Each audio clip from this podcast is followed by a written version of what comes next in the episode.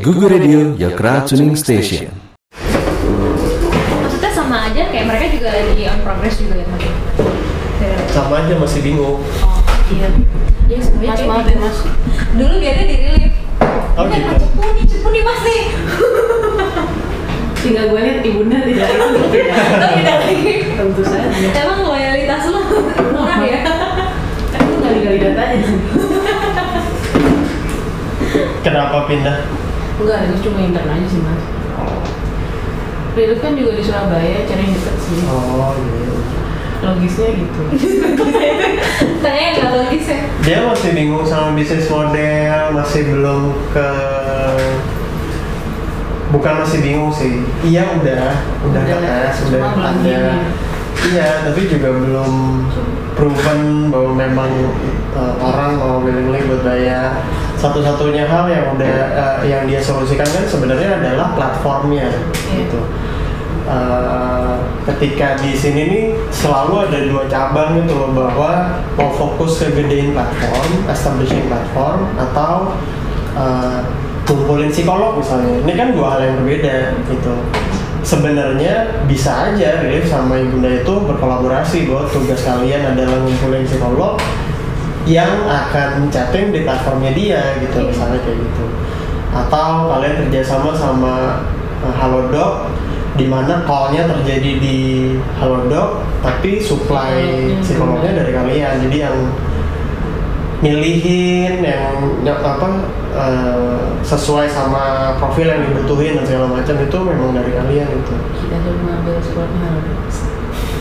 kalau Halodoc Halodoc juga canvassing kan sama aja gitu jadi kemarin sih sekilas ngobrol sama si siapa Masih.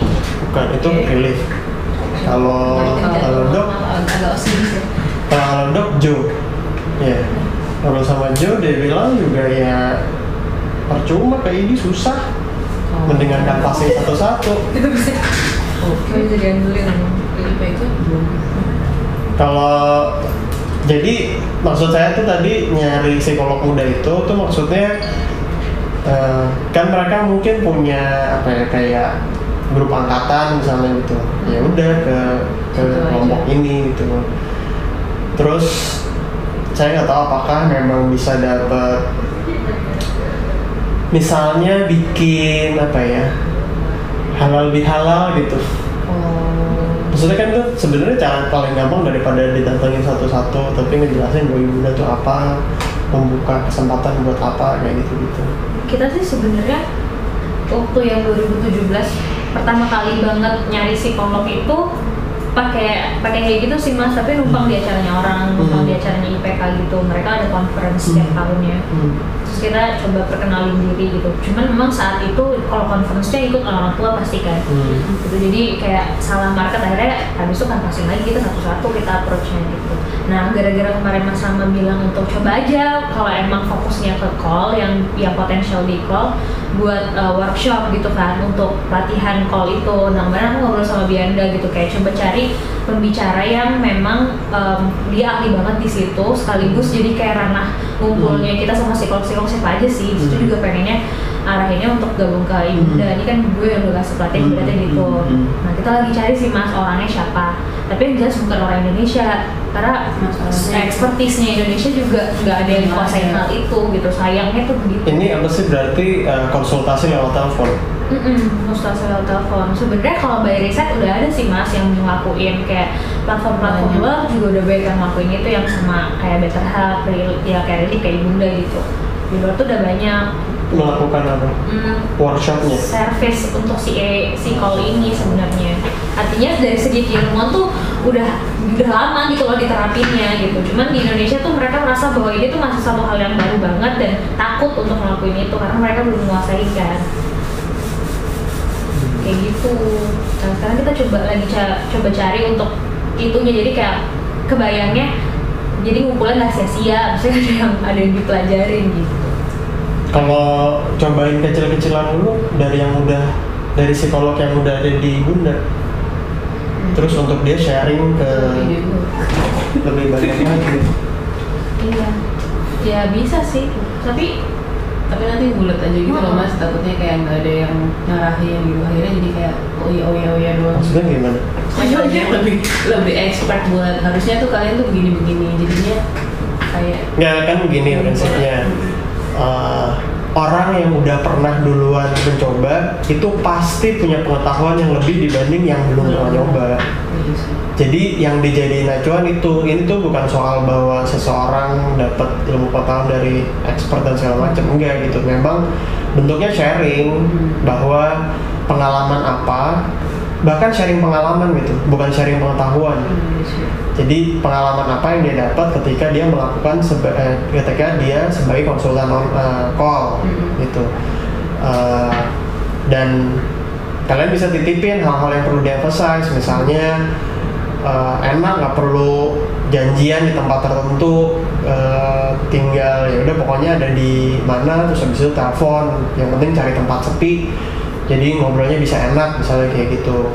Terus trik-trik untuk ngebatasin eh, apa omongan. Karena kan kalau di misalnya kalau di tatap muka ada jamnya jam bisa dilihat bareng-bareng gitu kan tapi kalau call kan nggak bisa nah, kayak gitu-gitu itu kan sebenarnya sharing sharing pengalaman aja gitu. Jadi kayak ibaratnya ngopi senja apa psikolog psikolog ibu gitu. senja gitu. makanya temanya coffee with Sam tadi. Oh, iya, makanya temanya eh, jadi ngundang data ngun- eh, siapa yang diundang bisa pinjem database-nya si IPK Hmm. jadi titip ke mereka untuk kasih tahu ini terutama buat yang muda-muda misalnya gitu atau cuman sebatas mereka bantuin untuk mereka forward ke WhatsApp grup di antara mereka gitu.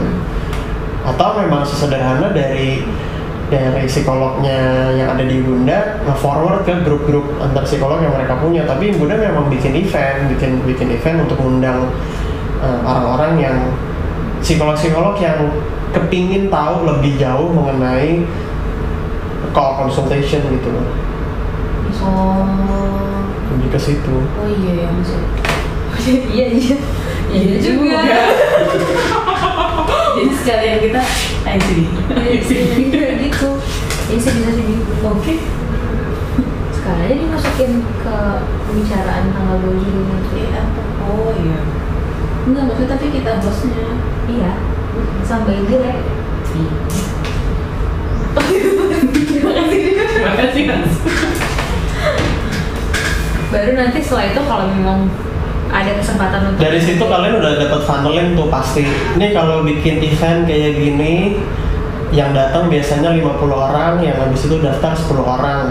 Oh berarti kalau terus habis itu yang bisa kita terima cuma 5 berarti kalau kita butuh 10 berarti eh, di butuh 20 yang daftar berarti butuh berapa 100 yang orang yang datang misalnya kayak gitu kan funnelingnya udah ketahuan tuh itu baru di titik yang ngumpulin psikolog Hmm. karena selalu tuh ada dua hal satu ngumpulin satu lagi memang me- kalau dalam hal ini kan kalian mengumpulkan eh, apa namanya user dan mengumpulkan psikolog gitu. Ketika kita bicara dampak kita bicara berapa banyak user yang ingin dibantu. Cara funnelingnya pakai yang tadi tuh kan bahwa mau tapin ke 5% dari mereka yang usia produktif misalnya kayak gitu. Uh, terus keluar tuh angkanya ya udah buat sekian banyak orang berarti butuh sekian banyak psikolog. Untuk ngumpulin sekian banyak psikolog dalam waktu uh, berapa bulan harus ngapain aja harus ke mana aja kayak gitu gitu sih Berarti mas kalau yang kemarin kan kita yang kemarin terakhir itu kan ngomonginnya dari berapa resource yang tersedia. Karena sekarang yang aku bilang tadi eh, aku ketemu nih udah angkanya sekian gitu. Kalau misalnya ambil dari 5 per, 5% tadi berarti dari angka 5% ini misalnya berarti users yang harus dikumpulkan sekitar sekian misalnya. Eh, dari situ baru kayak dibagi ke resource-nya gitu. Harus butuh berapa psikolog Mm-mm. gitu-gitu kan berarti. Mm-mm. berarti karena kan gini eh, ketika kita ngejalanin bisnis selalu punya selalu ada dua pilihan satu memang menjalankan sesuai ya tadi bisnis as usual ya pokoknya bisa jalan gini-gini aja ya udahlah gitu ya tapi satu lagi adalah berdasarkan dari target yang mau dituju gitu Eh, kalau commercial bisnis biasanya jadi target yang dituju adalah target profit yang mau dicapai berapa. Untuk bisa sampai ke sini itu harus ngapain gitu. Nah kalau commercial bisnis agak lebih gampang. Karena kalau kita bicara profit biasanya kita mengacu sama ini tuh kita performance tahun lalu tuh gimana sih? Gitu. Terus kita kepingin dua kali lipat dari performance tahun lalu ya udah tinggal dikali dua aja semua kan dasarnya gitu kan. Nah, nah tapi ketika kita bicara impact kan kita bicara bahwa dampak yang diciptakan itu perlu seberapa besar supaya memang berdampak gitu. Karena bisa jadi apa yang kita jalankan karena dampaknya terlalu kecil terus habis itu hilang gitu. Jadi nggak berdampak. Nah, jadi nggak berdampak karena dampaknya terlalu kecil. Sehingga angka dalam memunculkan dampak itu tuh eh angka dalam memunculkan target itu tuh nggak bisa pakai cara yang tadi gitu. Jadi kita jadi punya pembanding kalau bisnis as usual eh, ya kayak gini gitu. Tapi kan kita pinginnya sih kayak gini nih mimpinya tuh yang seperti ini nih untuk seperti ini berarti harus ngapain gitu. Eh, yang tadi jadi batas minimal yang ini jadi batas goal atasnya selama ada di atas minimal berarti kalian aman-aman aja sebenarnya. Tapi dampaknya nggak terlalu berasa gitu. Secara bisnis aman tapi secara dampak belum tercapai. Gitu. Nah kalau untuk yang nge-setting 5% tadi baiknya dari mana ya mas? Kalau kemarin kan kita 5% dari Starbucks mas. Dari hasil nongkrong di Starbucks memang susah itu memang apa ya kayak saya kemarin cerita soal ini ya uh, precision enough of the decision. Belum ya? Jadi ketika kita impact measurement ada istilah bahwa uh, dalam menentukan indikator atau KPI ada istilah precision enough for the decision. Precision enough itu kan tergantung sama uh, jadi seberapa presisi tergantung sama siapa yang akan memberikan decision. Kalau misalnya nih kita datang ke donatur atau filantropis gitu, uh, buat dia sebuah cerita bahwa uh, sudah berjalan, udah ngebantu sekian orang dan segala macam itu cukup untuk dia memberikan decision, untuk dia memberikan mendonasikan uangnya. That's precision enough gitu. Tapi mungkin ada pihak-pihak yang nggak cukup gitu. Saya butuh yang lebih aktual. Saya butuh yang eh, ini kalau misalnya ada 150 juta, eh, saya butuh bahwa nanti tuh dari 150 juta kalian akan mengcover berapa gitu. Artinya kan menurut dia un- men- untuk dia memberikan keputusan dia butuh presisi dalam bentuk si angka yang tadi Hmm. gitu. Eh, sehingga berapa persennya itu sebenarnya memang bisa usulan bentuknya. Oh. Bisa out of nowhere gitu bahwa Tergantung siapa yang mau kita tuju iya. gitu ya. Kalau buat dia tapi kan biasanya ya dia akan nanya. Dia akan Kenapa pertimbangnya Iya. jadi pertanyaan bahwa kenapa 5% kenapa nggak 10% gitu kalau misalnya kamu jawab bahwa ya kemarin ngobrol di Starbucks 5% aja sih gitu. Dan buat dia cukup ya alhamdulillah udah gitu selesai. Itu gila masih tapi kalau misalnya ah itu nggak masuk akal kenapa cuma 5% kenapa nggak 10% gitu. Eh, terus kalian nggak punya alasan ya udah deh 10% gitu. Terus yang tapi kenapa cuma 10% kenapa nggak 20% dan segala macam gitu. Itu ya memang terpaksa untuk mencari bahwa apa nih yang bisa dijadiin dasar Prinsipnya apa mas? Tidak ada. Unfortunately ketika kita bicara social return of investment itu nggak ada base nya makanya tadi saya bilang saya ngambil titik ekstrim bahwa ada pihak-pihak yang buat dia diceritain aja dia udah bahagia gitu. Dia ngerasa sosialnya udah return social investmentnya udah return. Tapi ada pihak-pihak yang nggak bisa saya perlu tahu karena saya akan milih saya mau invest di kamu atau invest di relief misalnya. Iya. Ada yang terkejut ada mantan.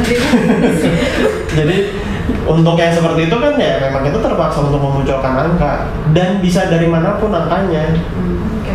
Buat Kalau misalnya investor ngomong keterbatasan kita itu ya, jadi kita bisanya cuma enggak itu kalau gue sendiri denger gitu enggak saya akan sebagai investor saya bilang ya udah kalau misalnya saya bikin kamu saya lipat gandakan batasan kamu Eh, mau berapa bisa berapa banyak yang dicapai gitu kan akhirnya kan akan seperti itu gitu. Jadi kayak akhirnya adjustable gitu ya hasil negosiasi iya maksudnya ketika ya. kalian bilang eh, keterbatasannya segini kan justru ketika kalian datang saya sebagai investor kan untuk melampaui keterbatasan itu. Hmm. kan sebenarnya begitu kan? Nah itu yang kemudian mesti mesti berujung dengan tadi hitungan. Makanya tadi saya bilang kalau dari sisi komersial atau perhitungan konvensional eh, itu gampang sebenarnya karena tadi basisnya bisa resource. Ini kalau misalnya orangnya segini sekian. Kalau orangnya 10 hasilnya segini. Kalau misalnya bapak mau invest eh, dengan rencana in, dan kemungkinan ini bisa dikali dua jadi 20 maka hasilnya segini gitu. Masalahnya ketika di social initiative yang jadi pertanyaan adalah dampaknya ini yang dihasilkan dari si 20 itu terlalu kecil atau enggak karena kalau misalnya terlalu kecil jadi kayak garamin laut. Investor akan bilang bahwa ya kalau gitu ngapain kalian kerjain? Gitu. Kayaknya kerjain yang lain aja deh misalnya gitu. Kamu nggak resilient anaknya oh, kalau misalnya berarti hitungnya dari em, hitungnya dari ini mas kayak impact yang. Kalau impact yang dari kalau setengah setengah kalau setengah persennya itu kan nggak mungkin ya. Setengah persen dari? Untuk di 2020 gitu. Maksudnya kan pasti pertimbangannya kayak kenapa agak ngablu gitu loh mas. Maksudnya kalau misalnya 25 persen eh, kalau 5 persen sampai 25 persen di satu sampai dua tahun lagi targetnya gitu perhitungan persentasenya untuk bisa menghitung kayak em, segini loh persentase dari users kita yang ibaratnya yang ibunda sekarang sebelum daripada di invest aja segini kita naikin segini itu berapa kali persennya? Sehingga mencapai sama segini. aja sama aja yang jadi dasarnya selalu bahwa apakah dampak itu cukup? Apakah hasilnya itu memang cukup? Akan selalu seperti itu sih pertanyaannya. Kalau misalnya let's say kalau misalnya ngomonginnya targetnya ngomongin soal bonus demografi yang usia produktif terus kita ambil persentase usia produktif yang berapa jumlahnya aman gitu loh untuk bisa ngomong apa kategori ini juga. Gue udah kayak pas pampres. Udah kayak misalnya tapi tahu udah amannya segitu dari mana? Iya maksudnya di riset dulu mas berarti. Iya. Kalau dari situ perhitungannya agak masuk akal atau masih cocokologi juga mas sebenarnya bisa bisa aja dipakai asal ada dasarnya. Hmm. asal ada scientific reasonnya gitu. Entah itu scientific atau makanya tadi saya bilang uh, precision enough for the decision. Kalau misalnya buat dia not too scientific it's quite precision ya udah.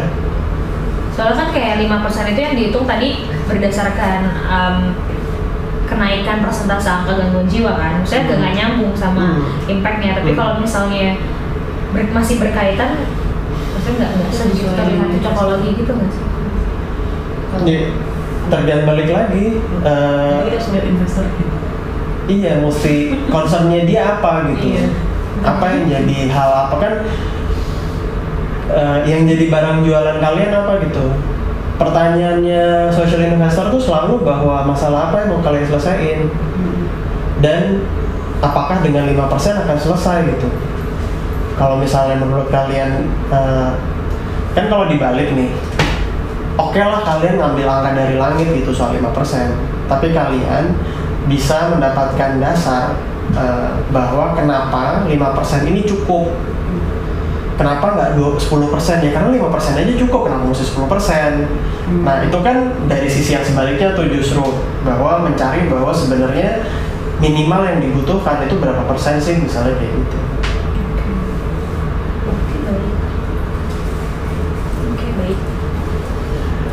Misalnya saya nggak tahu apakah ada riset bahwa kan suka ada satu dari 10 orang mengalami gangguan jiwa gitu misalnya nah itu ada berapa sekarang kan Kalau Indonesia nggak ketemu aku datanya, tapi kalau dunia aku tuh bunuh diri juga ada depresi. Paling banyak angka bunuh diri sama depresi sih. berapa berapa berapa orang dari berapa sekian orang yang kena gangguan jiwa gitu kan atau yang kena depresi. Itu ada deh pernah baca berapa kalau di dunia? Berapa kalau angka dunianya? Satu dari lima. Iya, Bambang. itu itu terbaru bi Satu dari sepuluh. Kalau yang WHO benar ini perlu berapa ada di satu. Ya.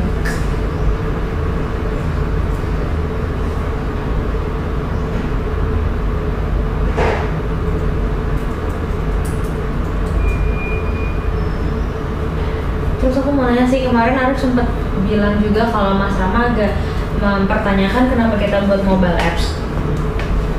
Kemarin juga apa Mas? lupa Oh, pertimbangannya Mas Rama apa? karena ininya Ada fokusnya rumah. kalian bukan di situ orang fokusnya kalian di call sama di corner mobile apps-nya buat apa? Aku belum. Aku ingin. Appointment Buat yang gratis juga sih mas, biar lebih gampang analitik. Tapi kalau gratis ada di line kan? maksudnya udah gratis disediain gitu Oke. Oke. Oke. kecuali memang mau akomodir soal call-nya justru Oh. jadi Iya call-nya memang di aplikasi itu Iya.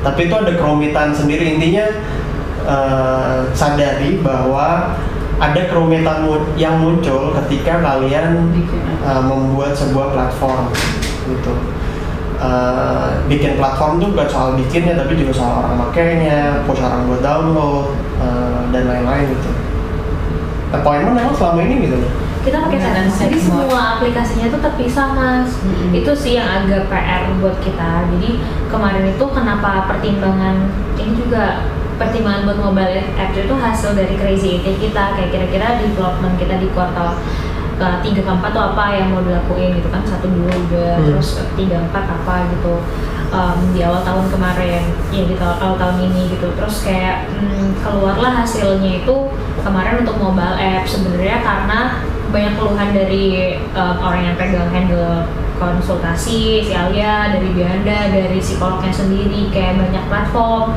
Jadi kayak misalnya hmm, berjadwalan di Setmore kemudian curhat teksnya di website sama di line terus kemudian callnya pakai hangout terus untuk cornernya juga di Setmore buat jadwalnya kayak gitu. Terus nanti belum lagi yang hasil hasil screening tes mental health di awal dari email. Jadi gitu yang ke pecah-pecah semua gitu loh mas gitu sebenarnya pertimbangannya kemarin itu. Makanya em, di di versi yang pertama mobile apps ini kemarin untuk mengakomodir yang itu dulu gitu. Soalnya ya uh, lihat deh.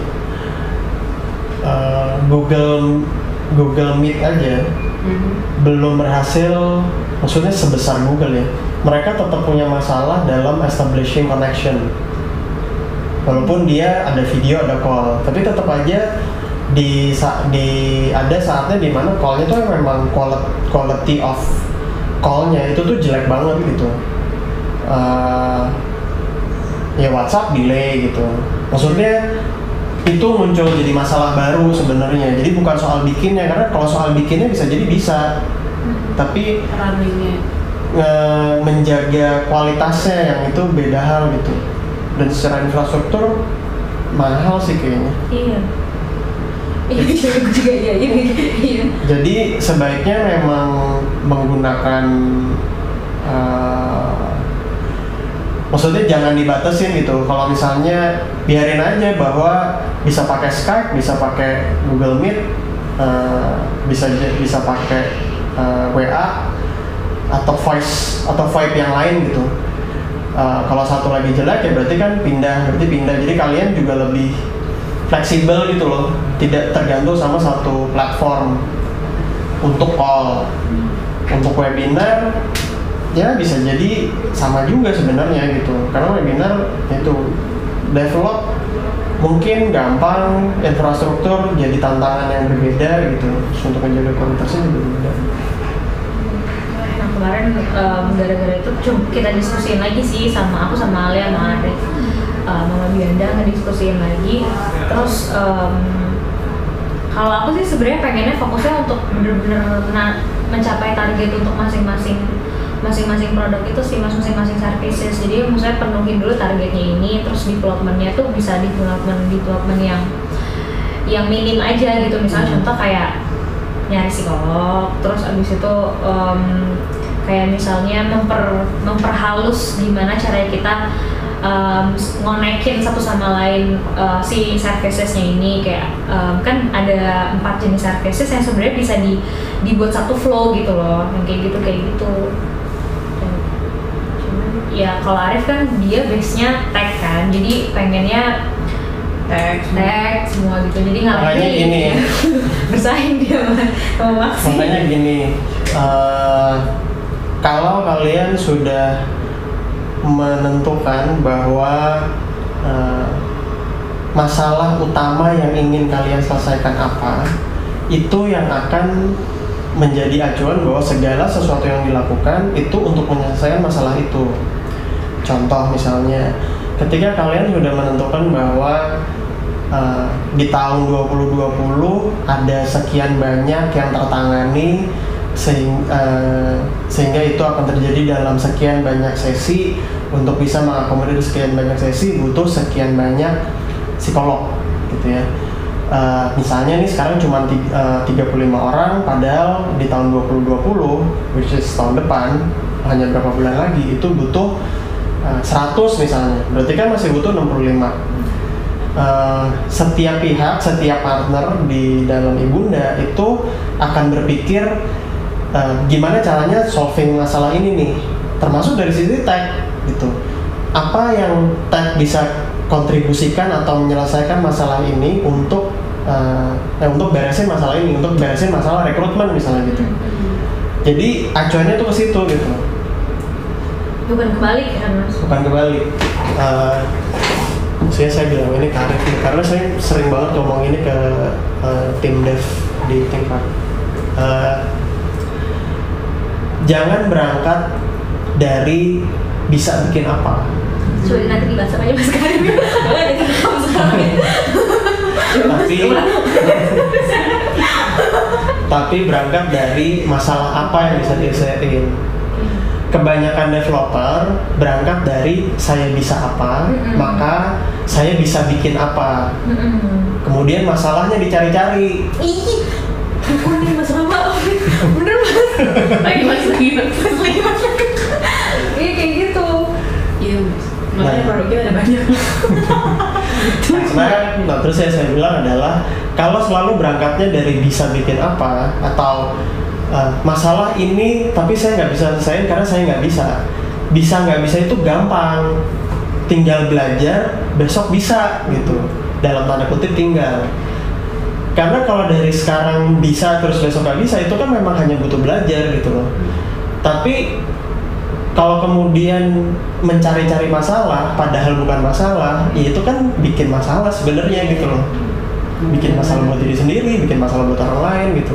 Jadi berangkatnya harus dari masalah apa yang mau diselesaikan. Orang namanya social initiative kok. Kan solving a problem. Yes. Gitu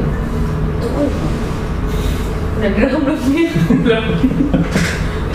itu sih jadi agak aku suka kepantok sama Arif soal itu sih mas. Kalau aku pengennya maksimalin um, udah services maksimal yang udah ada. Karena kalau Arif cukup valid habis itu develop yang lain gitu. Kalau aku cukup valid terus ya maksimalin sampai bener-bener sampai bener-bener menghasilkan Mandi sesuatu yang kita mau mandi uang. Kalau Diana mandi uang. Bener-bener capai target yang kita mau gitu sih agak valid kan hanya satu titik dari prototyping. Iya. habis dari prototyping kan memang memvalidasi hal lainnya gitu hal berikutnya. Jadi eh, yang perlu disadari terutama dari dari developer adalah ini bukan soal bisa atau nggak bisa. Setelah saya ngejalanin si think web dan segala macam buat saya segala sesuatu tuh bisa. Segala sesuatu tuh bisa saya bikin bahkan yang belum bisa saya bayangin sekarang aja bisa saya bikin. Yang ngebedain tuh cuman waktunya berapa lama buat ngerjain itu. Bisa jadi lama banget bisa jadi cepet gitu. Tapi semuanya pasti bisa gitu. Tapi setelah bisa apakah apa? dipakai atau enggak itu sebenarnya jadi masalah utama. Iya percuma bisa dibikin tapi nggak dipakai gitu. Makanya kalau berangkatnya dari berusaha untuk solving problem kan paling tidak udah ada eh, yang punya masalah dulu paling enggak saya udah punya eh, calon pengguna gitu loh Iya. Iya. baru tuh memang nyari penyelesaian masalah buat dia paling nggak ini udah ada crowdnya gitu bukan yang bisa bikin kemudian baru nyari crowdnya soalnya pertimbangan kalau dari aku juga sebenarnya kemarin kayak sejauh ini user belum ada yang ngeluh soal pakai bisa pakai Google Hangout, pakai Line, pakai website belum ada yang ngeluh sih. Yang ngeluh tuh cuman balasnya lebih cepet dong gitu. Kalau di Hmm. teks kalau misalnya di call kayak aduh harganya masih kurang terjangkau ya bun gitu. Karena memang mungkin dia eh, masih SMA masih kuliah kayak gitu kayak gitu sih mas. Gak ada yang ngomongin soal technical thingnya. Memang yang tua tua, maksudnya yang usia 50 ke atas minta diajarin aja gitu sih mas. Iya, paling memang yang berangkat berangkat masalah itu dari dari timnya sendiri gitu loh. Kalau ngerasa ini kayak masalah nih karena banyak banyak platform itu aja sih sebenarnya. kayak balasnya lama banget kan berarti masalahnya masalah psikolog kan SDM. Ya memang akhirnya balik ke situ sih Iya. Eh, Iya. Berapa bi udah ketemu belum? apanya? Itu Oh, berapa berapa? Nggak ada ternyata. Kalau adanya tuh ini sih mas em, bunuh diri rasionya. soalnya kalau misalnya dapat misalnya satu dari 10 orang gitu mengalami depresi gitu kan itu jadi narasi yang cukup mudah untuk dipahami sama semua pihak gitu bahwa Rilis tuh pitchingnya itu. Eh, satu dari berapa Coba coba coba lihat. ada berarti di videonya Rilif Ada NDA Yang hmm, yang dia pitching di video YouTube. di videonya ada. video profile karena aku pernah lihat mereka pitching tuh. Kosong Di bukan deh. Went in Kalau dari data itu bisa apa mas?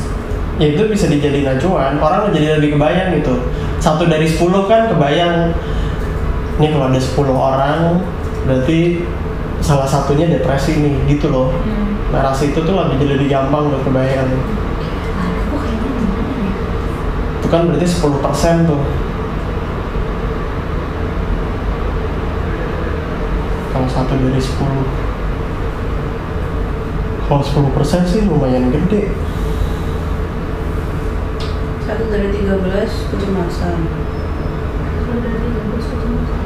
Anxiety 13, disorder. eh, mengalami gangguan kecemasan. Satu dari tiga belas mengalami gangguan kecemasan. Depresi selalu. itu dunia ya Dunia. WHO. Oh, Enggak. Maaf. satu dari tiga belas. kalau kalian bikin riset juga harusnya ada deh kalau psikolog S2 biasanya bikin riset-risetnya kan kayak gini-gini kan Mm-mm. Tingkat depresi di Indonesia Dihitung sendiri sih mas biasanya. ya nggak apa-apa pakai itu kan pakai sampling sampling maksudnya data-data itu tuh bisa jadi acuan Mau pakai diskus gas. Diskusdas berapa bi? Saya Diskusdas tuh report yang dibuat sama Kementerian Kesehatan. Yang ambil datanya 2000 berapa? Permintaan 2000 Asik ya. Karena se Indonesia. Iya, tapi kan gak gitu juga nih. Baru kali. Oh. Berarti Belum ketemu sih mas, nanti coba dicari deh. ya itu angka-angka kayak gitu biasanya memudahkan kalian untuk Untuk bisa mengtranslate kenapa kenapa kita targetin segini kenapa targetin segitu gitu jawab ke siapa pun itu investor atau segala macam kan jadi jelas bahwa kalau misalnya satu dari 13 ya kita kepinginnya jadiin satu dari 26 misalnya gitu misalnya. Hmm, ngurangin. Uh, aku mau tanya sih mas karena kemungkinan tuh kita akan ketemu beberapa investor gitu di entah di minggu depan atau di bulan depan. Hmm, sebenarnya aku kan nggak ngerti yang urusan invest, investing investing gitu karena kan baik ngerti Arif aku masih belajar. Terus eh, ini pertama kalinya sih bakal berarti aku ketemu sama mereka. Apa sih pertimbangan saya hmm, hal-hal apa yang bisa bisa aku siapin ke mereka yang mau ngasih tahu bahwa selain daripada data-data kita sekarang terus target yang mau kita tuju gitu kayak pertimbangan apa sih yang biasanya mereka lakuin untuk bisa nginvest ke satu startup apalagi kayak social startup yang ngukur impact pasti ngeliat impact yang tadi kayak Mas Rama bilang tapi apalagi gitu Kalau social startup pasti dampak dampak apa yang terjadi, tapi secara umum pasti yang ditanyain adalah pertumbuhan. Berapa banyak yang ini yang apa namanya tahun ini berapa, tahun lalu berapa eh, ya kayak gitu. Apakah misalnya misalnya contoh di bulan keberapa misalnya udah ada penurunan gitu itu tuh uh, lebih dilihat kenapanya atau lebih dilihat bahwa ada Dia ngeliatnya tahun per tahun, nggak usah bulan per bulan. kalau ada bulan yang turun eh tahun yang turun juga gimana mas? Dia pasti akan nanya aja, ini kenapa kok turun di tahun segini gitu, sebabnya apa? isu karena perspektif dia kan adalah eh, gimana supaya ini naik terus. Jadi secara umum investor itu kan adalah eh, menginginkan apa yang dia investasikan itu kemudian memberikan hasil. Memberikan hasil ini kan adalah karena si perusahaan nilainya meningkat gitu. Itu kenapa eh, dia akan menghitung ketika saya menginvest sebesar 1 m eh, lima tahun dari sekarang 1 m saya nilainya berapa? Eh, apakah lima kali lipat 10 kali lipat dan seterusnya gitu. Sehingga sederhananya adalah ketika nanti di tahun kelima saya cash out saya tarik semuanya 1 m saya tadi itu akan jadi berapa? Nah, eh, perbandingannya paling sederhana adalah sama bunga bank. Kalau 1 M ini saya taruh di bank selama jangka waktu lima tahun, 1 M saya akan jadi berapa? Kalau di bank resikonya kecil banget, hampir tidak ada resikonya. Uang saya udah pasti nggak akan ke mana-mana lima tahun dari sekarang. Kalau misalnya saya mau tarik si 1 M-nya, itu 1 M-nya udah pasti tetap ada dan nambah. Nambahnya misalnya eh, 300 juta jadi 1,3. Berarti kan pertambahannya 300 juta misalnya. Eh, dengan resiko yang bisa dibilang tidak ada, manfaat yang saya dapat 300 juta gitu. Perbandingannya adalah saya ngambil titik yang ekstrim adalah dengan investasi di perusahaan. Eh, lima tahun dari sekarang 1 m saya bisa dapatnya berapa? Kan prinsip sederhananya adalah high risk high return. Semakin besar eh, return yang diharapkan, pasti resikonya juga semakin gede. Kalau tadi tidak ada resikonya, kalau yang ini ada resikonya, perusahaannya bangkrut, foundernya kabur, apalah segala macam gitu. Sehingga resiko 1 M ini hilang di tahun kelima itu ada banget gitu. Eh, semakin progresif biasanya semakin tinggi resikonya karena resiko untuk kemudian gagal nggak berhasil dan segala macam jadi semakin besar jadi itu yang yang membedakan dan kemudian jadi ya udah si investornya gimana nih terhadap satu m nya? Oh ya udahlah buat saya saya percaya saya percaya sama foundernya saya percaya mereka nggak akan ke mana-mana saya percaya semua plan ini akan dijalanin sehingga satu m saya lima tahun dari sekarang nilainya akan jadi tiga setengah m misalnya. Ya itu kan dibanding 1,3 yang ini tiga setengah jauh banget dong gitu. Nah, perbandingannya tuh dasarnya itu. Sehingga kan kemudian dia akan ngeliat bahwa eh, ibunda ngejanjiin lima tahun dari sekarang nilainya jadi segini nih gitu. Apa nih yang akan membuat se- sampai dengan seperti itu? Nah kan itu detail angkanya kan dipertanyakan tuh gitu. Itu yang akan jadi bahan monitornya mereka. Ibunda akan bilang iya uangnya akan dipakai buat beriklan, dipakai buat rekrut orang yang akan dia lihat yaitu sesuai nggak nih dipakainya. explainnya itu. Ya, jadi ketika tahun ke tahun yang akan dilihat adalah di tahun pertama eh, direncanakan hasilnya begini sesuai nggak nih gitu. Oh sesuai. Tahun kedua hasilnya begini sesuai nggak nih? Jadi buat dia ketika itu turun selama itu memang masih dalam plan ya udah buat dia ya orang udah plan kan? Yang penting tahun kelimanya gimana kalau misalnya dia kalau misalnya turun terus habis itu kan uh, ketika tidak sesuai dengan rencana entah itu turun entah itu di bawah dari rencana atau berapapun itu mereka pasti akan bertanya kenapa sih kok nggak sesuai? Kalian rencana kalian di tahun ketiga tuh begini kok nggak sesuai gitu? Ada apa nih? Gitu. Nggak enaknya dalam tanda kutip ya. Nggak enaknya kalau punya investor adalah begitu sekali off track mereka pasti akan jadi uh, punya banyak involvement. Gitu. Jadi memang perlu make sure bahwa memang selalu on track. Makanya lumayan keringetan mas. Mau ketemu mereka. Aku sebenarnya biasa ma- masih belajar sih soal ini. Maksudnya bisnis suatu hal yang baru sih buat aku gitu. Karena dulunya orangnya sosial banget. Nah kasih kasih semua kasih terus kalau misalnya kalau misalnya em, akan ob- ada obrolan tentang kompetitor nggak sih mas? Maksudnya kayak pasti dong. Pasti kan? Eh, kemarin waktu di kelas terakhir juga gitu sama mbak. Lupa gue namanya. Yang ngajarin finance.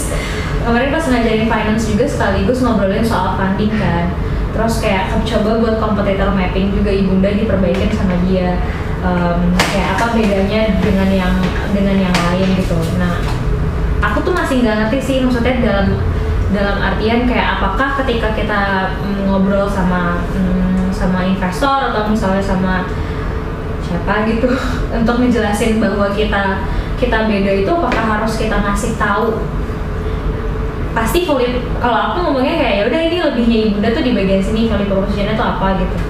Um, apakah harus kayak buat satu ide baru yang yang jadi bisa berbeda gitu loh dibandingkan kompetitor yang lain karena kelihatannya sama aja Nah, ya dan tidak bisa ya, maksudnya itu bisa menjawab pertanyaan dia bisa nggak. Tapi kan yang perlu yang perlu dipahami adalah kenapa seseorang menanyakan bahwa ada yang lain kayak lo atau enggak. Dasarnya kan sebenarnya itu. Mhm. Uh, karena paling tidak ada dua kemungkinan nih ketika misalnya di satu arena eh, di satu area terus yang main ada berapa banyak? Kalau yang main cuma satu ada dua pertanyaan. Antara orang lain belum tahu atau dia gila main di situ. Yang kemudian yang lain tuh nggak ada yang main di situ gitu. Kan pertanyaan cuma dua. Uh, sehingga ketika uh, ada banyak kok yang main itu jadi satu validasi. Oh ini marketnya ada gitu. Tapi kan jadi pertanyaan tapi apa yang membedain antara yang main di situ tuh bedanya satu sama yang lain tuh apa gitu. Apa yang membuat customer yang ini milih yang A apa yang dia pilih yang B dan lain-lain itu karena kan misalnya di satu tempat ada 100 orang terus ada empat pemain. Eh, antara masing-masing dapat 25 atau ada yang satu dapat 90 sisanya mesti dibagi-bagi terus kan in- karena orangnya cuma 100 gitu loh. Nggak bisa satu jadi 100 terus jadi yang satu 100 juga 100 juga 100 juga. Karena kan 100 nya nggak nambah. Jadi kalau bicara populasi di Indonesia populasi Indonesia cuma segitunya gitu. Ketika mau berkompetisi sama Relief itu kan bagi-bagi kue. Bukan nambahin kuenya gitu. Bukan narik orang dari Cina taruh di Indonesia supaya jadi makin banyak kan nggak gitu. Jadi ketika berkompetisi uh, ketika investor menanyakan kompetisi dia memvalidasi bahwa marketnya ada atau enggak. Marketnya grow atau enggak. Bahkan informasi kayak kayak dulu kita cuma berdua sekarang ada 10 yang main gitu. Itu kan nunjukin bahwa memang ada potensi ada grow dan segala macam gitu. Jadi uh, nah kalau misalnya pertanyaannya terus apakah harus ada yang membedakan? Ya yang tadi gitu. Uh, buat investor kepinginnya 100 100 nya ke dia semua karena kalau misalnya 100 kalau kalau ada 100 orang semuanya bayar berarti kan dari berempat hanya satu pihak dia sendiri yang mendapatkan pemasukan dari si 100 ini. Kalau misalnya ada empat pemain kan berarti mesti apa yang apa yang memastikan bahwa kamu si 100 ini milih kamu dan tidak milih yang lainnya. Itu kenapa harus kemudian muncul bahwa apa yang membedakan kita sama yang lainnya gitu. Pembedanya itu harus emang yang udah ada sekarang atau harus buat yang baru Mas? bisa macam-macam inovasi kan salah satu usaha untuk membedakan saya dengan yang lainnya. Dan inovasi kan bisa inovasi produk inovasi service inovasi apa pun itu gitu. Segala macam inovasi experience macam-macam Tapi maksudnya, um, let's say misalnya kayak misalnya Ibunda, Relief, berapa berapa kompetitor yang lain gitu, masing-masing udah punya kelebihannya gitu kan, dan kita bisa jelasin itu ke misal ke Mas Rama gitu, dan Mas Rama bisa lihat, oh ya berarti ini kelebihannya ini ini segala macam. Apakah aku harus juga kayak Mas Rama, tapi bedanya aku sama Relief tuh adalah aku mau buat ini ini ini loh gitu, bla bla bla. bisa seperti itu untuk stealing attention kan bilang bahwa kenapa sih kita lebih dari kompetitor Tapi berarti kan harus ada hitungan di action plan-nya juga yang tadi itu berarti. kalau itu berkaitan sama si operasionalnya ya memang perlu perlu itu tapi kalau enggak ya memang cukup hanya dicerita Hmm. Tapi apakah maksudnya itu bisa jadi satu hal yang dipertimbangkan sangat gitu kalau emang ternyata si inovasinya ini balik lagi ke inovasi ya? Eh, nanya sendiri jawab sendiri. Eh, gimana ya? Itu kan soal deal breaker yang menentukan bahwa saya mau investasi atau enggak. Kalau misalnya misalnya gini apa ya sekarang yang udah lumayan eh, rame. Ojek online deh misalnya. Kita tahu persis bahwa udah ada dua pemain besar Gojek sama Grab gitu. Kalau ada satu pihak mau memunculkan ojek online eh, pertanyaan investor adalah apa yang membuat kalian beda sama Hmm. yang dua ini gitu. Sementara yang dua ini aja udah rebutan ada, gitu. iya. apa yang membuat kalian beda gitu? Misalnya saya bilang bahwa oh ini kita menjaga eh, apa namanya sesama muslim gitu. Jadi misalnya yang perempuan sama perempuan driver ojeknya dan lain-lain gitu. Atau misalnya kalau menyediakan driver ojek perempuan buat yang anak-anak juga misalnya kayak gitu.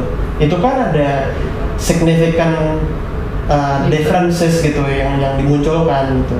Yang meyakinkan bahwa oh iya emang kalian beda. Kalian punya potensi nih untuk bisa grow. Bukannya untuk kemudian mati karena untuk jenis-jenis yang kayak Iya. gini itu tuh kan investor jadi mikir gitu ini gua buang duit atau enggak ya? Hmm. ini kemungkinan buat survive-nya seberapa gede? Sehingga uh, competitive factor tadi jadi penting buat dia. Sehingga dia akan mempertanyakan bahwa ini implementasinya gimana. Gitu. Jadi beda-beda sih. Dan di market kalian sebenarnya belum sedalam itu kalau saya rasa sih. Apalagi kalian bisa dengan mudah menjawab misalnya oh relief pakai chat kita pakai call kita call sama corner gitu. Terus mungkin investornya akan nanya. Jadi kan yang jadi challenge itu kan selalu gini kalau chat itu kan tanpa ruang. Mm-mm. jadi bisa menjangkau sebanyak-banyaknya seluas-luasnya segala macam gitu. Jadi pertanyaan ke kalian adalah oh kalian ada yang corner? Kalau yang corner gimana cara uh, pertumbuhan kalian gimana gitu? Gimana kalian menjaga untuk itu terus tumbuh dan seterusnya Bukan nasi uduk buat cabang. Masih pada. Nasi padang. misalnya ini pakai solusi kalian pakai co-working space misalnya gitu ya itu uh, salah satu solusi sebenarnya bisa nggak sih mas maksudnya kan ini berkaitan sama corner karena nggak tahu kalau misalnya planningnya di kita tuh kalau ngeliat sampai kuartal ketiga mendekati kuartal 4 aja pertumbuhannya signifikan karena kan corner baru sebenarnya baru banget di kuartal 2 ini aktifnya dan itu kan pertumbuhannya lumayan kan effort marketingnya juga nggak ada nggak banyak gitu. Kalau misalnya di pertimbangan sampai kuartal 3 kemarin eh, per kuartal 3 ini kita pertumbuhannya signifikan kita mau coba kayak aku nggak ngerti sebutannya apakah investasi tapi sebenarnya lebih kayak ngajak kerjasama sama co-working space untuk untuk buat si corner ini gitu. Dan mereka kerja kerjasama tuh apa? Outputnya diskon atau karena sejauh ini saya belum dapat co-working space yang mau barter. Baik. yang mereka ngasih secara gratis gitu. Baik, kita pas uji coba pertama itu kita dapat gratis sebenarnya di Kohive cuman kan nggak lama karena kita juga perjanjian kemarin nggak nggak lama gitu. Cuman aku juga mikir kayak barternya tuh kurang gigit di mereka gitu. Karena kan mereka pasti juga butuh operasional ini ini segala macam gitu Iya, nah. Karena barternya apa? kemarin itu kita barternya untuk kasih em, eh support group. Iya pelatihan support group sama free, free, Support free- group untuk? Untuk uh, karyawannya mereka. Jadi kayak berapa kali kan kita memang kasih support group ke Kohive tapi waktu itu berbayar jadi kayak support group karyawan kayak stress management gitu loh mas. Tapi buat karyawan-karyawannya di Kohive gitu. Untuk startup yang ada di Kohive Kohive. Hmm. Sama kalau ada yang mau konsultasi bisa gratis beberapa kita gitu. tapi menurut aku tuh itu kayak nggak apple to apple sama effort yang mereka keluarin sama yang kita pakai gitu loh. Kan kayak misalnya kita pakai ruangan berarti kan em, operasional mereka yang kekuras gitu. Nah aku tuh lagi mikir value apa yang bisa bener barternya tuh ya ke targetnya itu ke apple to apple nya itu. Jadi kayak nutupin operasional apakah kayak misalnya masuk ke dalam benefitnya mereka. Apa tuh kalau misalnya Gitu. kalau kalau misalnya mereka mau sewa. sewa gitu jadi salah satu benefitnya kayak misalnya dapat berapa kali konseling kayak gitu sih Ya bisa aja. Kan kalian nggak tahu tapi sebenarnya itu uh, cukup atau enggak buat mereka, kurang atau enggak uh, secara ininya. Kalau mereka terbuka sih ya dijalanin terus aja gitu. ba- ba- banyak beberapa working space juga yang mulai redup redup redup gitu redup redup redup kayak sejauh ini yang paling lengkap tuh baru Kohive sih yang baru ada di mana-mana tempatnya kalau aku lihatnya kayak GoWork, WeWork juga masih terbatas di area-area CBD Sudirman gitu Kalau susah ya tempat praktek dokter aja gitu. Nah. Nah, enak ya. Kemarin itu kan mikirnya kayak pas Mas Rama juga ngomong terus bedanya sama biro apa? Gitu kan. Itu juga apa ya guys? Gitu. Ya mirip sih. mirip sih mirip sih cuman kayak cara kita approaching usernya yang beda gitu. Nah kemarin cari bedanya itu sih mas apa gitu. Nah makanya kenapa milih sih kalau di kantor ibu udah jadi jatuhnya sama. Tapi kalau misalnya ngomongnya di coworking space jadi jatuhnya beda. Kalau aku nangkepnya gitu aku sebagai user. Pernah berapa lama jalan sih? Di coworking space Dua bulan. dua bulan mas Dua Berarti- bulan tuh dua kali berarti. Dua kali tuh? Sebulan sekali, sebulan sekali. Sekali sebulan, sekali sebulan. kalau dulu kita pertama kali buka itu cuma percobaannya kita tuh sebulan Sebulan sekali sekali. sekali itu maksudnya sabtu sama minggu gitu Udah gitu. udah Oh. nah waktu itu percobaannya di Hive itu Kalau investornya yang co-working space. Ya itu juga bisa, itu juga salah satu opsi sebenarnya. Kalau Hive kan punya Is Venture. Eh, masih ya masih masih masih setahu saya semua startupnya Venture di Hive. Ya emang bagian dari masuknya begitu dikasih office. Jadi eh, itu bisa jadi opsi gitu. Tapi kayaknya nyobanya mesti lebih mesti lebih banyak sih. Emang kalian di perhitungan itu corner itu cuman Sabtu Minggu Sabtu Minggu? Enggak.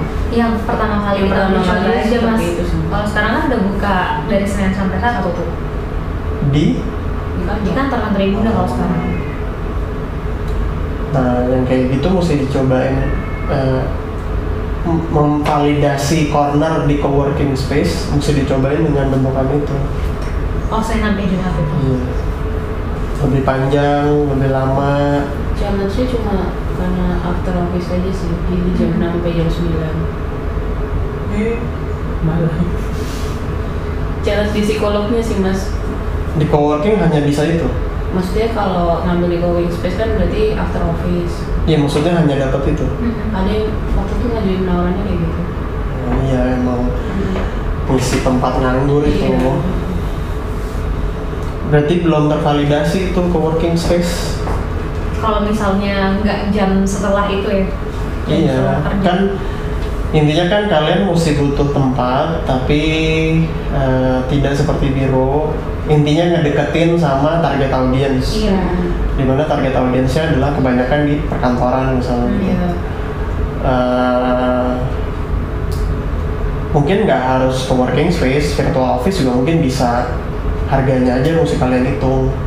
Virtual office lebih jelas di gedung-gedung perkantoran. Cuma mahal. Iya. Tapi bisa jadi em, menentukan target marketnya yang beda juga kan mas? Berarti bisa bi. Jadi ngikutin harganya nggak perlu ngikutin rate yang itu. Yang yang sekarang. emang kita tahu misalnya kita mau targetin sekelas Syahrini ya udah pasti harganya akan aja sekelas Syahrini gitu loh bang sih cuman aja mesti mikir apa ya kayak eh, tapi itu jadi kayak mancing ini baru dong mas. Market baru yang nggak ada di bunda ibaratnya gitu. Soalnya sekarang gini targetnya kalian siapa sih? Eh, memang pegawai startup kah yang yang ada di coworking space? Enggak sih mas. Working. Working Working. millennial aja gitu. Working person. working person. Working Ya, milenial paling ya, banyak di mana? Apakah di gedung-gedung? Apakah memang di coworking space? Atau di mana? Atau di mall? Gedung, gedung. ya kalau di gedung ya berarti kan virtual office jadi salah satu opsi sebenarnya bahwa ada yang mahal, ada yang murah ya mungkin bisa disiasati sama begitu. Ada yang memang uh, VIP Hmm, session. atau kita bisa buat hmm, atau sih aku mikirnya kan apa kita buat uji cobanya tuh em, tempatnya ditentukan sama users. Jadi te- tempatnya tuh kayak adjust gitu loh. Misalnya kalau sekarang kan udah tentuin nih di kantor ibunda tapi kalau ini tempatnya bisa ditentukan secara bersamaan tapi di, di wilayah mana gitu kayak bisa aja bisa aja opsinya dari user tuh kayak kafe atau Tapi apa lebih susah kan karena nggak ada tempat tetap. iya sih itu kafe diusir lagi berarti Terus agak Nangis. kan harus tertutup kan. iya Nggak bisa yang janjian ngopi gitu. saya sebenarnya untuk validasi si virtual office itu sih sebenarnya Soalnya eh, validasinya mesti untuk valid itu mesti agak panjang nggak bisa cuman sabtu minggu terus ada yang datang. Jadi memang dengan jadwal yang sebenarnya dengan jangka waktu yang sebenarnya diskusinya gitu Hmm.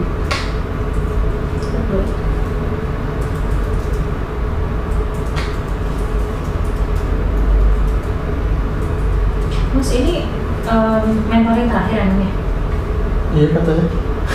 Tadi sama Jalin juga ngomong gitu ngobrolnya gitu. Soalnya kalau hitungan aku harusnya cuma satu lagi. Kayak iya? Di hitungan aku sama Ari jadi kita bingung. Nggak apa-apa gue sih nggak masalah mau ngobrol terus. Ya terus mas. Paling Deket juga. iya ya suka ngerepotin kita mas ya.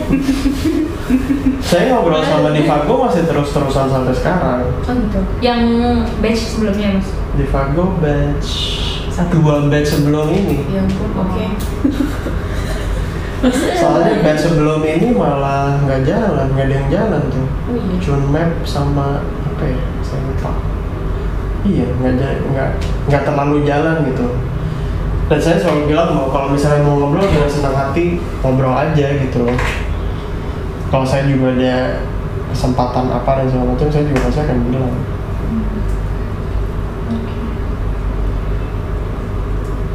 Kalau mau ngomong kalau mau mau pitch ke investor mau ngobrol dulu juga apa-apa ngobrol dulu. Terus kemarin saya pitch di, di next aja udah kering gini udah kayak gimana Udah gitu lampunya mas, lampunya tuh nyorot bener ke mata. Aku yang agak sensitif sama cahaya. Jadi matilah gue udah mulu lampu di sini depan sini Dia Dracula mas. Hidup nggak pakai cahaya. Tapi untung saat sebelum pitching itu sesajen cukup banyak mas makanannya. Jadi kayak oke punya tenaga untuk mengeluarkan keringat gitu. Kalian udah pernah berapa kali sih ikut program kayak gini sering sih mas. Sering dari em, waktu itu next dev terus PNP PNP sempat masuk sebenarnya kita di Mungkin batch apa? eh, plug and play. Oh, sempat masuk di batch kedua. Eh terus nggak lolos di tahap selanjutnya tahap akhir. Gitu. Itu waktu itu pitching juga mas di ruangan yang sempit. Udah mati lah gue itu ruang sempit sempit banget. Di depan abang bule sebelah lagi. Orang itu ya dia wah keringet dingin gue. Asli tapi itu waktu awal banget mas 2016 next dev udah ikutan juga? Next day baru pertama kali ini malah Karena dia suruh Tedian Uji nyali kata dia, dia tahu gue nyalinya mudah kendor. Gitu. Sama ini sih mas kemarin terakhir pembicaraan juga kayak aku tahu udah ngomong belum ya soal soal rebranding apakah perlu? Waktu itu tuh udah bukan yang ngobrol ya kita. Kayaknya pernah di salah satu sesi ngomong rebranding. Soalnya kemarin sama Tedian dia ngomong untuk rebranding. Oh ya? Iya kata Tedian gini kalau lu masih setahun kalau sekarang lu masih setahun boleh lu rebranding tapi kalau sekarang gue gak menyarankan gitu deh gitu lo enggak. Maksudnya dia adalah eh, kalian itu brandnya belum jadi.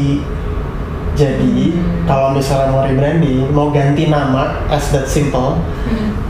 ini justru salah satu saat yang tepat karena memang brandnya belum jadi. Belum ada yang tahu. Even banyak banget gitu ya mas? Iya, even kayak relief gitu. Ya. Tapi kan kemarin udah di mata najwa. Ya, cuman mata najwa. Nanti masuk mata najwa lagi aja. Gitu loh.